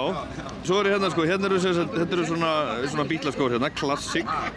Nú segir að það sé ekki málið, þetta er, það er, það, það er ekki hæll á því. Nei, klassik var það sem að þeir, þeir byrjaði á svona klassik en svo hérna funduður út að kúpuhællin gerði á svolítið hærri loftinu sko. Já, já. Æ, þetta eru bara menn á hæðu okkur. Og hérna er Original Chelsea og svo er Cavern típa hérna. Já, Cavern típan þekkir nú eiginlega ekki neitt sko. Já, og svo er það High Point. High Point, hann er náttúrulega, þá er hann orðið dálítið hærri, þá er hann konið með að kalva sko. Og, og Lennon þe- þetta hérna minnum mér nú bara á hérna stígvillin sem, að- sem að Batman var í. Ég held að Batman hljóta hafa lært þetta af Lennon. Já, og Zip Boot, að það er rennilás á þeim. Þetta, innum einn. Já, þetta er sko fyrir þá sem fá þvagsýrugift að, að hérna, ef þau fara að bólna mikið, þá geta það rendiður rennilásnum. En annars á ekki að vera rennilás á þessu. Þetta er bara svona, tegið sig aðeins út. Og svo er það hérna allir þessi jakkar, Shea Stadium, Tan Jacket og 60s Crombie Style Overcoat. Þetta er bara bítla alveg. Já, Seistýðum, þar voru að haldið miklu hljómleikar á sín tíma, sem að fjölmennins og tónleikar sem bílnir hafa haldið og þá voru þeir allir í svona galla. Ætlar að... Svona, svona, hvað maður að segja, hann er svona drapplitaður. Já, ætlar að kaupa eitthvað? Já, ég ætla að fá mér eitt eða tvö pöru skó. Skó með þetta maður. Og kannski eitthvað meira, að sjá hvort ég fæ góðan afslátt þjóðan sko. Já, segir bítla skó sérfræðingurinn Þorsteinn Eggertsson.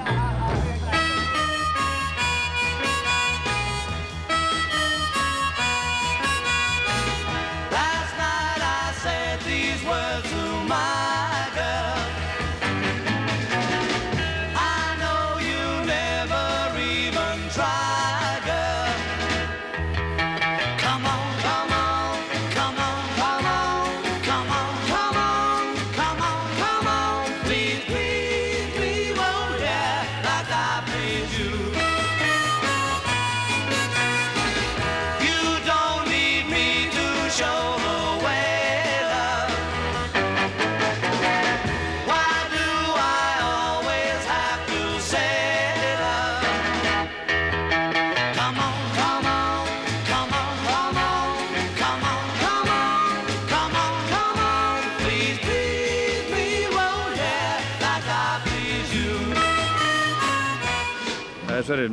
stöndum við hérna bara á Penny Lane.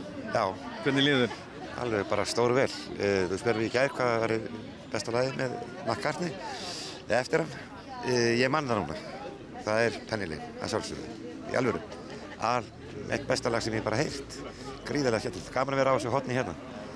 Og þú ert að sjálfsögðu í góðum fíling. Já, já, sólinn skín og það getur ekki betri getur tíðin ekki orðið eins og, eins og segir í læginu Já, En ótrúlega hvernig svona, svona líð, líður þið nú hérna Hefur einhvern tímann komið hérna úr? Til Liverpool? Nei, aldrei. Og ekki þetta, alls ekki þetta hérna á hotninu þorlega. Þetta er náttúrulega í Liverpool. Nei, nei, ég hef ekki komið til Liverpool. Þú, þú, þú er bara hálf, hálf klökkur hérna? Já, ég er bara gaman að þessu. Alveg svakalega. Og maður er búinn að bæði lesa svo mikið um þetta, svona að hlusta á þetta frá fæðingu, sko. Og þegar geta inn með móðumjölkinni og bjórnum. Og hérna, svolítið sérkjænlega upplifun. Þetta er sannlega eitt besta hotn í heimi. Ég held ég ætla bara að standa hérna áfram.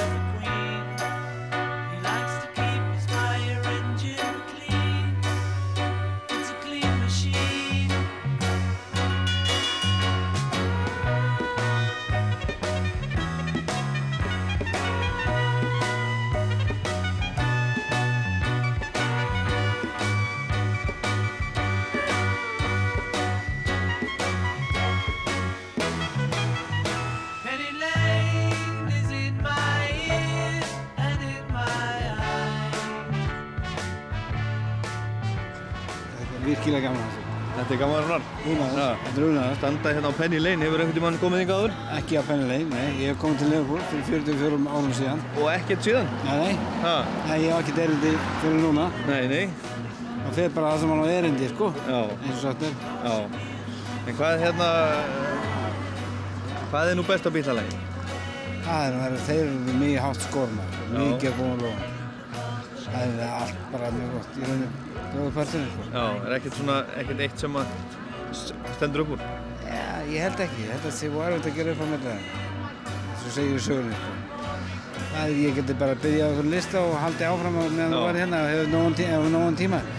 En svona það sem að við... Penny Lane er frábært, sko. Já, já. Og lagi hérna megin, Strawberry Fields, er fínt líka, sko. Hello Goodbye er líka fínt, sko. Hey sko- er sko- It Be, Across the Universe, hvita albumi eins og að leggja sig, Abbey Road og Rubber Soul, Kolla Kolli. Þetta er Help. Help til dæmis. It won't be long og allt það.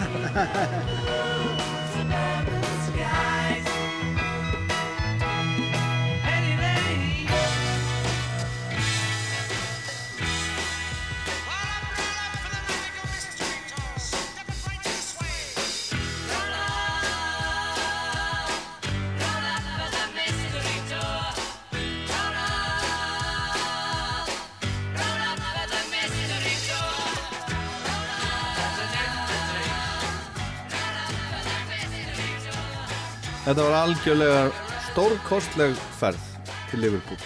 Og hljómar heldur sína loka tónleika þarna, þetta voru síðustu tónleikandi sem við spiluðu. Og í Kavan klubnum í þessari ferð Gunni, Rúnar, Ellingur og Eggert Kristinsson. Og það var æðislegt. Og áfram skulum við halda að rifja upp brot úr Rocklandi í gegnum tíðina. Og og þessu sem við heyrum næst var ég löngu búin að gleyma. Þetta er úr þætti nummer 101, 14. oktober 1997. Þú ert að hlusta á Rockland á Rástvöðu. Nú ætlum ég að skella mér í hlutverk tónleika gaggrinnanda og tala aðeins um heimsóknir Blur og Skönka Nancy nú nýverið. Ég vil byrja því að segja að tónleikar Blur er einhver leiðilegasti konsert sem ég hef upplifað á æfinni. Ég kom reyndar ekki á svæði fyrir en eftir að íslensku hljómsveiturnar höfðu lokið sér af. Því miður verði að segja því að ef ég hefði komið fyrir þá hefði líklega verið dálítið gaman að þessu. Ég kom í höllina rétt áður en Bloodhound Gang steg á svið. Ég veit nú eiginlega ekki út á hvað hún er vinsal þessi hljómsveit, svona fyrir mína parta. Sveitin spilaði 7-8 lög ef ég mann rétt og ekki fannst mér nú mikið til hennar koma. Þetta eru svona miðlungs lélegir hljóðfaraleikarar, sándi var lélegt, allavega þar sem ég satt upp í stúku og mér fannst þetta bara hálf leiðinlegt. Og ég veit ekki hvaða erendi brandarstrákan áttu til íslenskrar æsku. Kannski er ég bara svona gammal. Þetta Bloodhound gengi verðist vera í því að nexla tónleikagesti með bröndurum eins og þessum sem mér fannst nú reynda dáliti fyndin en ég er heldur ekki 12 ára What is the hair between your grandmother's tits called? Pussy Já þetta var alltaf þessu nótum og bara hálf leiðinlegt og Bloodhound gang fær ekki háa einhvern hjá mér Á endanum fór blóðhundagengið af sviðinu og þá tók við hlustiði nú 50 mínútna pása Ég veit ekki hvort þetta týðkar svona almennt á tónleikum hjá svona stjórnum eins og blör en ég held samt ekki. Og reyndar er ég farin að efast um að Damon Albarn og félagar séu stjórnur einhver staðar annar staðar en á kaffibarnum. Þegar blör kom yngar síðast og spilaði í höllinni var framistæða sveitarinnar ekkert til að hrópa húra fyrir, þó tónleikarnir í heilsinni hafi verið til fyrirmyndar, skipulagning og annars líkt tímasetning og gæsla og allt það.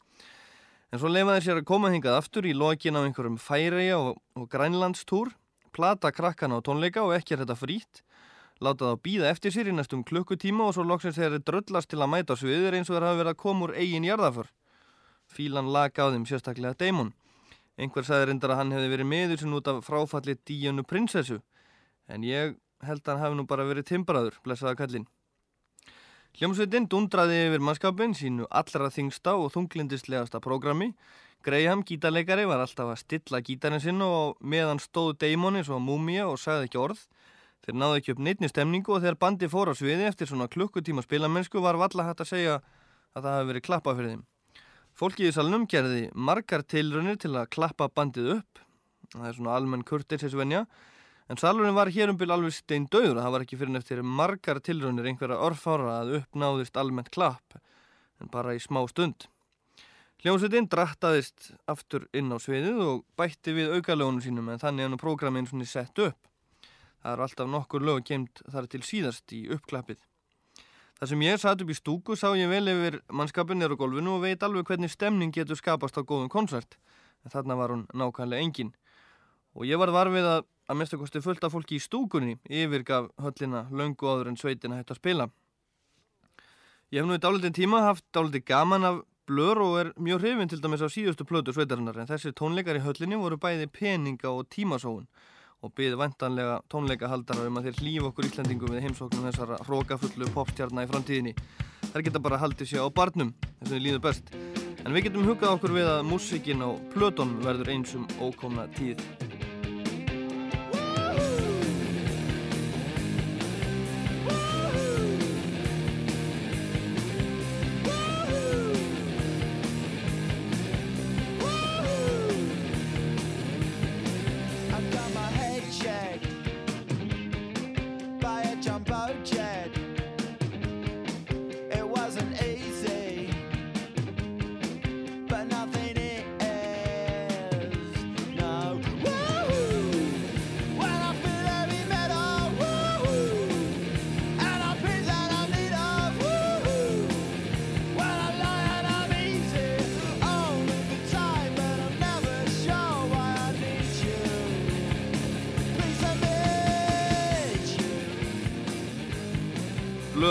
Song 2 sem er að finna á síðustu plötu sveitarinnar sem heitir bara Blur. En þessi upptaka af laginu er úr safni BBC og var gerð í höfustöðum Breska útafsins í upphafi þessa árs. Það sem bjargaði því sem bjarga varða þessum Blur koncertum daginn var þegar þeir tvíhöfða félagar Jón Gnarr og Sigur Jón Kjartansson komin á sviðið á milli atriða og sungu útlenska lagið sitt. Það fannst mér mjög skemmtilegt og alveg frábært reyndar. Takk að kærlega fyrir það, Ólafur Páll, 28 ára. You're listening to Rockland on Rouse Tour. This is Jules Holland. Thank you. þar brosti vorið með perur í trjánum Svífum garðinn, veiga og jón Með munnin fullan af hundasúrum Veltu vöngum skellt í góm Hvers vegna hérna tífóli? Hvað ég maður að segja? Sumir voru hérna tóltið róttækir á þessum árum og tífóli var svona þessi tífóli hugmynd var svona átt að vera svona þjóð, þjóðfélags speil Já, ég veit ekki alltaf að svona róttækari öflin í stuðmannum hafa ekki orðið ofan af þarna Já. í þessu dæmi Hvaða öfl voru það nákvæmlega? Það voru náttúrulega svona kannski frekar við í spilverkinu. Já. Við vorum svona sósialistískir svona demokrater, svona norskir, svona jafnaðamenn. En ég held þetta hafi nú bara þótt sniðu hugmynd, sko. En hversu, sko, klár var hugmyndin í rauninni þegar þið svona fóruð af stað? Ég held að hún hafi, var eiginlega alveg klár. Við í, í hérna, í spilverkinu við hérna byggum til tónlist fyrir áramótaskaup og þá voru lög, svona Reykjavíkur lög sem við byggum til. Það var me Melamöllin, Já. það var um Nautólsvíkina og það var um Tífóli. Og ég samdi þetta lag, þarna Tífóli, lagið og svona upp úr því þá fættist þessi var, það var svona grunnurinn að þessari hugmynd sko þessari tímúli hugmynd svo náttúrulega þróaðist hún í samstarfi sko svona þannig var þetta til Sigurður Bjóla Garðarsson sem ég hafði aldrei spjalla við áður og ekki einu svona hitt svo ég myndi. Ég var næstu fyrir að halda þessi maður sem ég hafði svo mikið heyrst talað um. Hann væri bara ekki til en hann er svo sannlega til og er afskaplega viðkonulegur og bauð mér heim til sín á Stokkseri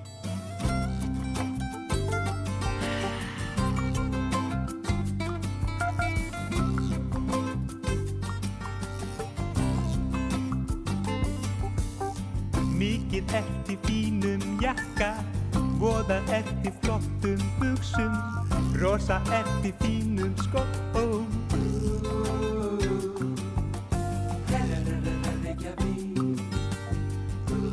Já, rétt bara um Herra Reykjavík er að, að, að ferðin sem við fórum frá Reykjavík til London agandi það skilaði meðal annars af sér læginu Herra Reykjavík að, sem að var samið á einhverju, einhverju furu klættu mótelherbergi í hálöndum Skotlands. Áðurum við fórum í afmælisveislu einhversin íbúa þorpsins og hittum þar ó, ótrúlega gestris og gott fólk sem að bauð okkur þar afmælistertu sem að var græn á litin og er samanlögð vesta terta sem nokkur hljómsveitamanna hefur bragðað fyrr eða síðar því að hún var bara gerð úr sigri, smjörlíki og hveiti og svo matarlind Alltaf hafði ég staðið þeirri minningu að þarna hefði verið brúðkaup nýjaf staði. Nei, þetta var afmæli. Það hefði engin, minna, það hefði ekkert, engin, ekkert uh, hjónaband ennst eftir svona köku. Þú opnaði helling í Herra Reykjavík, já. Ég á bara það lag. Þú átt það lag? Já, en Valgir segist eiga það. Hvernig stendur það því? Þetta Herra Reykjavík lag var, var til bara í Esbíkjariðinu sko. Og svo kláruðum við það í Skotlandi, ég og Valli. Þannig að þetta er svona ekta, sam, ekta saminnilag. Við, við uh, söndum mjög mikið svona að annar hvort kom með svona smá einhvern frasa eða, eða litla hugmynd sko og kláraði það svo saman sko. Svona Lennon og McCartney Í, já, ég veit náttúrulega ekki hvernig, hvernig þeir samdu sko. En það var oft svona eitthvað, einhver kom með eitthvað og svo, Já. svo. Já, mér þótti til með svolega gott sko, þú veist, maður situr oft uppi með svona með einhverja hugmynd eða eitthvað, svona, eitthvað smá eis en maður finnur að það er eitthvað í því sko, en maður kemst ekki áfram með það en maður getur, þú veist, bánsaði af einhverjum öðrum, þú veist, og fær, fær eitthvað svona feedback að þú oft klárast það sko og verður eitthvað úr því þetta var eitt af því sem að lukkaðist svona anskoti vel sko. Þetta er alltaf svona eh, mikið uppáhaldslag hjá mér. Það er eitthvað, eitthvað, eitthvað skemmtilegt að það. Reykjavík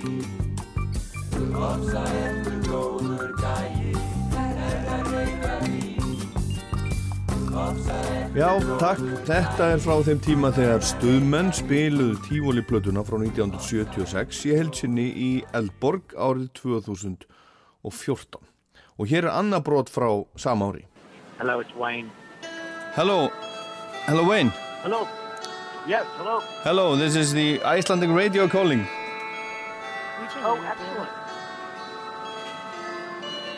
Picture yourself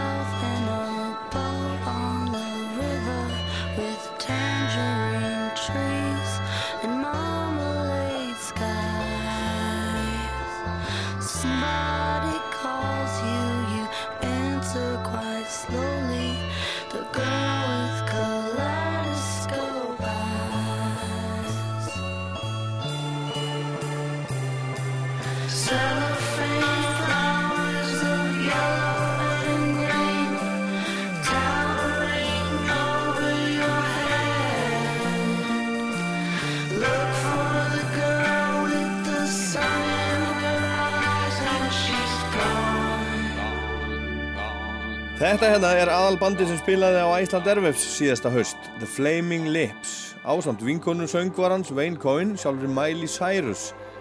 En þau eru miklir vinir og brölluð eitt og annað saman á árinu sem að var að líða, sumt súrara en annað og þetta er skemmtilega súrt. Þetta er á nýjustu plötu Flaming Lips, stóru plötu, With a Little Help from My Friends, sem er í raun Sgt. Peppers plata bítlana í heilsinni og í réttir röð bara með Flaming Lips og vinum þeirra. En það er skemmst frá því að segja að tónleikar Flaming Lips í Vodafone höllinni á Airwaves voru alveg magnaðir, frábærir og við á Rástvö tókum þá upp og eigum eftir að útarpa þeim síðar. En nokkurn dögum fyrir hátíðina ringdi ég í Wayne Coyne sem var að keira Toyota Priusin sinn, 10 ára gamla. Þeir eru spjöldluðum saman, var að þvælast eitthvað á milli staða í Oklahoma, þar sem allt var í sóma. Nema símakerfið, það slittnaði aftur og aftur og aftur og aftur og ég ringdi aftur og aftur og aftur. Wow, this is getting strange. I, I've never, I've never had this experience before. I've never, it, it's never happened, happened, and I think it's not, well, not the I've got studio. my I've got my brand new iPhone 6. Oh, like- it's that. like- it's yeah. that. It's that. It's not. Uh, you're not able to speak except for five minutes per call. Something like that. Maybe that, but it could be that. It seems like it's that, doesn't it? Yeah. Yeah. Yes, we were um, talking about uh, Seguros. Yeah, I've seen them like five or six times. Yeah, they're they're they're, marvelous. I mean, sure, there's other uh, groups in Iceland. There's Mm-hmm. those are the ones that I, I remember being from Iceland. There's probably others Yeah, that yeah, I'm yeah, yeah. not aware of. Yeah, yeah. And if I would ask, do you know, do you have have um, an advice for young Icelandic musicians that that want to make music and play for as many people as possible, or you know, just travel the world like like you have done and play music for people? Well, I mean, I think you really just have to do it because you love music. I mean, all the things that come with it. If you don't absolutely, absolutely love music, you wouldn't want to do it because it's horrible. It's, you know, there's so much traveling, there's so many things about it that you wouldn't like.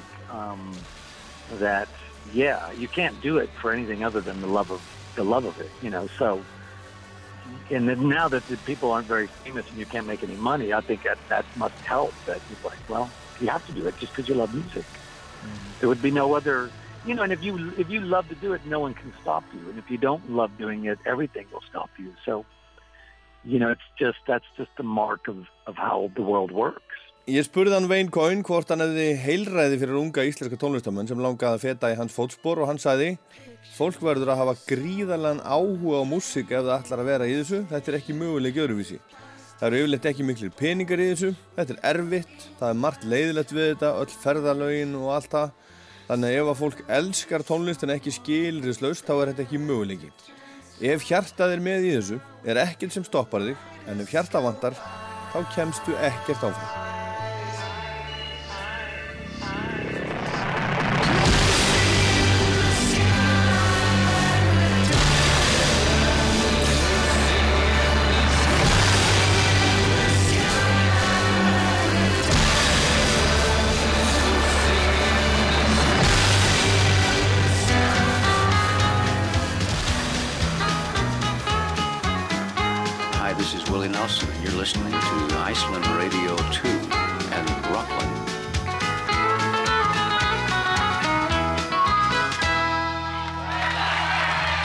Willi Nelson að segja hæ, sömarið 2000 fórum við saman á Glastonbury hátíðina á Englandi, ég og Magnús R. Einarsson, vinu minn sem að réði mig í þetta jobb árið 1995 og Willi Nelson sem var þar að spila bauð okkur eftir tónleikana sína á stóra píramidasviðinu inn í örlítið reikmettaða rútuna sína.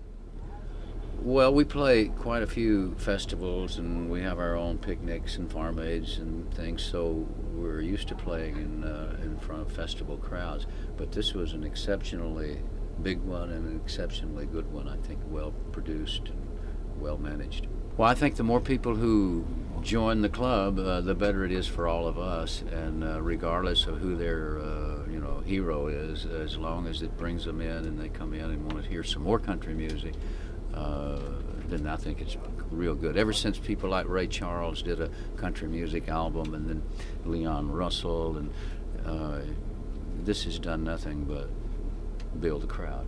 Willie, you have done a lot of uh, backing singing in, in your in your time. I think there's not one major country artist through the years, since I don't know since when, that hasn't sung with you. I don't think there's many that hasn't sung with a lot of them. Is, is that your idea of music to share it with other musicians? Yeah, I've always thought that it was a shame that uh, all the real good singers were on different labels and couldn't sing with each other. And uh, so I sort of made an effort to uh, try to remedy that.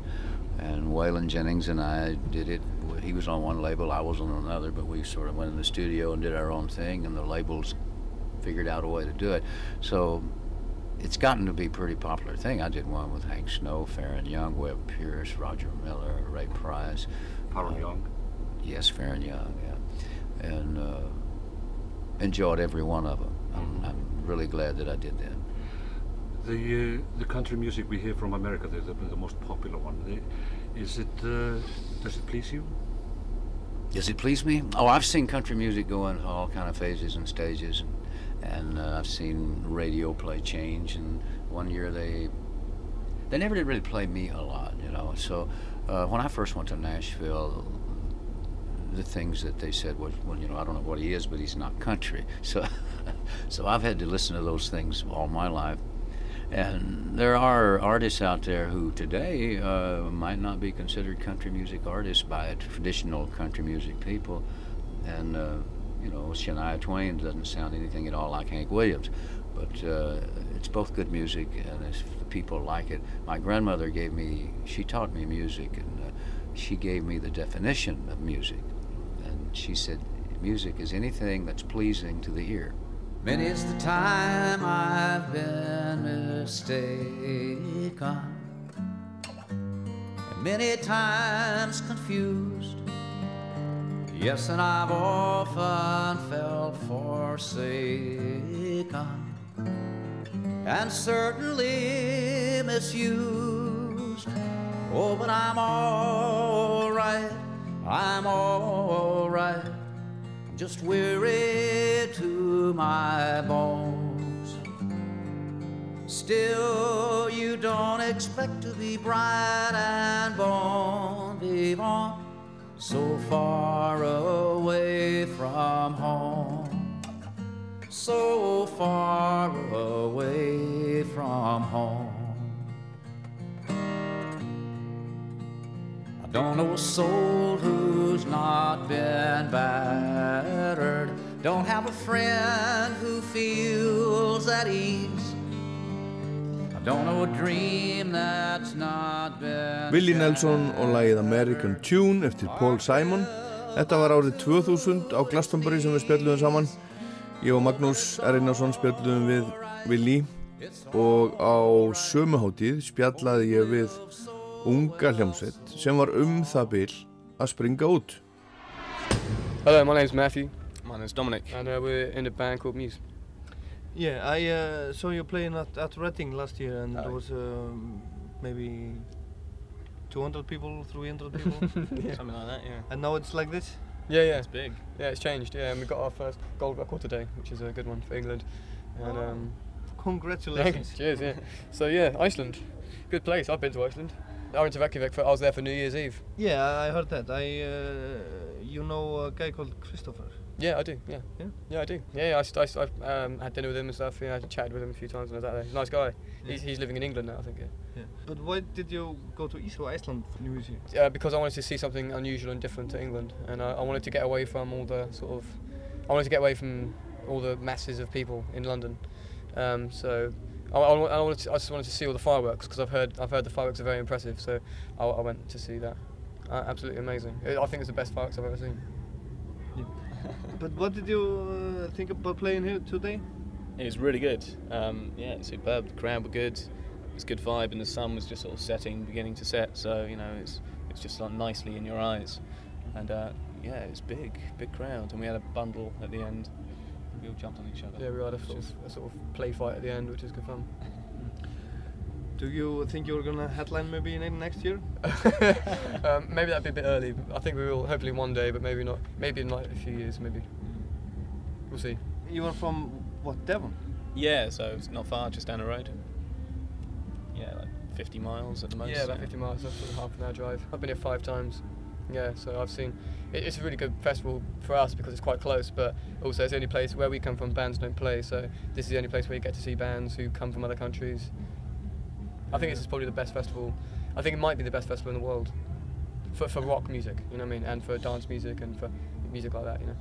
I think it is because it's like free. It's a free sort of vibe, free atmosphere, and there's no like sort of gated off arena that's controlled. So you know you can just Yeah, wander it's, around it's, all- it's a big area. There's no like yeah, big. There's no anywhere. big. In some of the festivals now, they have like a little stage in the middle. It's like, it's like a they put a stage in the middle and a, and a fence, and then all the camping is outside.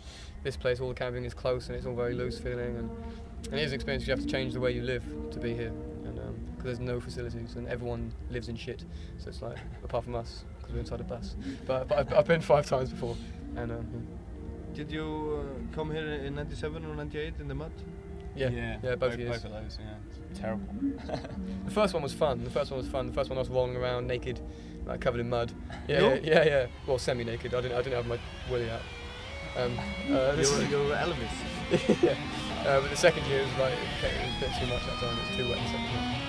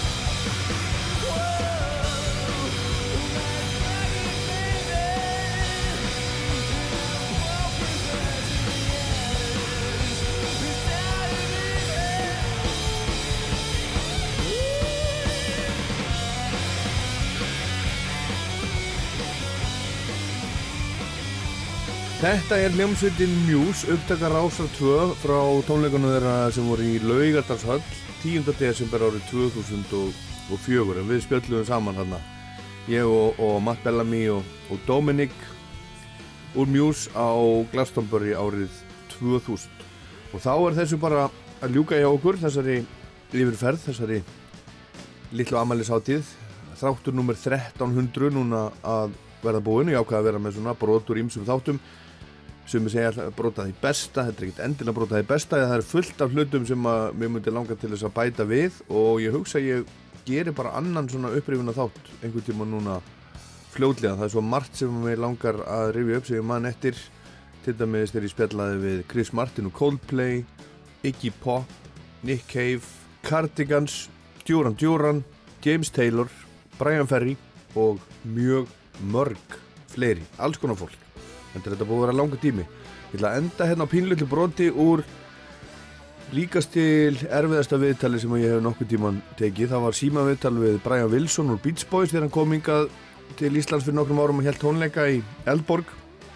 Ég var búin að undirbúa mig eins vel og ég mögulega gata þeim tíma sem ég hafði og með fullt blað af, af spurningum og, og alls konar hugmyndir hingað og þangað en ég var bara búinn með allt eftir, eftir sjö mínútur. Hann svaraði eiginlega engu, blessaður snillingurinn og endum hérna á, á við vorum að tala saman um lægið hans frábæra God Only Knows. I read Brian that that, that was the um, first pop song that, that used God, you know, in the in the lyrics. D did you think uh, think it was like a, a brave thing thing to do, or something like yeah, that? well, I, well, uh, God only knows. I had Carl sing it, the lead. Mm-hmm. Why did you not not sing sing it yourself? because I wanted my brother to sing. Yeah, he does it beautifully, of of course. Do you believe in God, Brian? In God, Yeah. I, be- I believe that God is music. Þetta var Rockland nummer 1300. Ég heit Ólafur Páll og takk, takk, takk að hlusta núna og alltaf.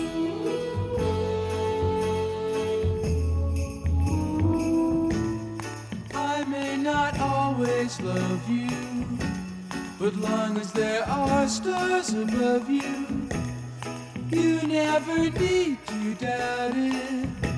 I'll make you so sure about it. God only knows what I'd be without you.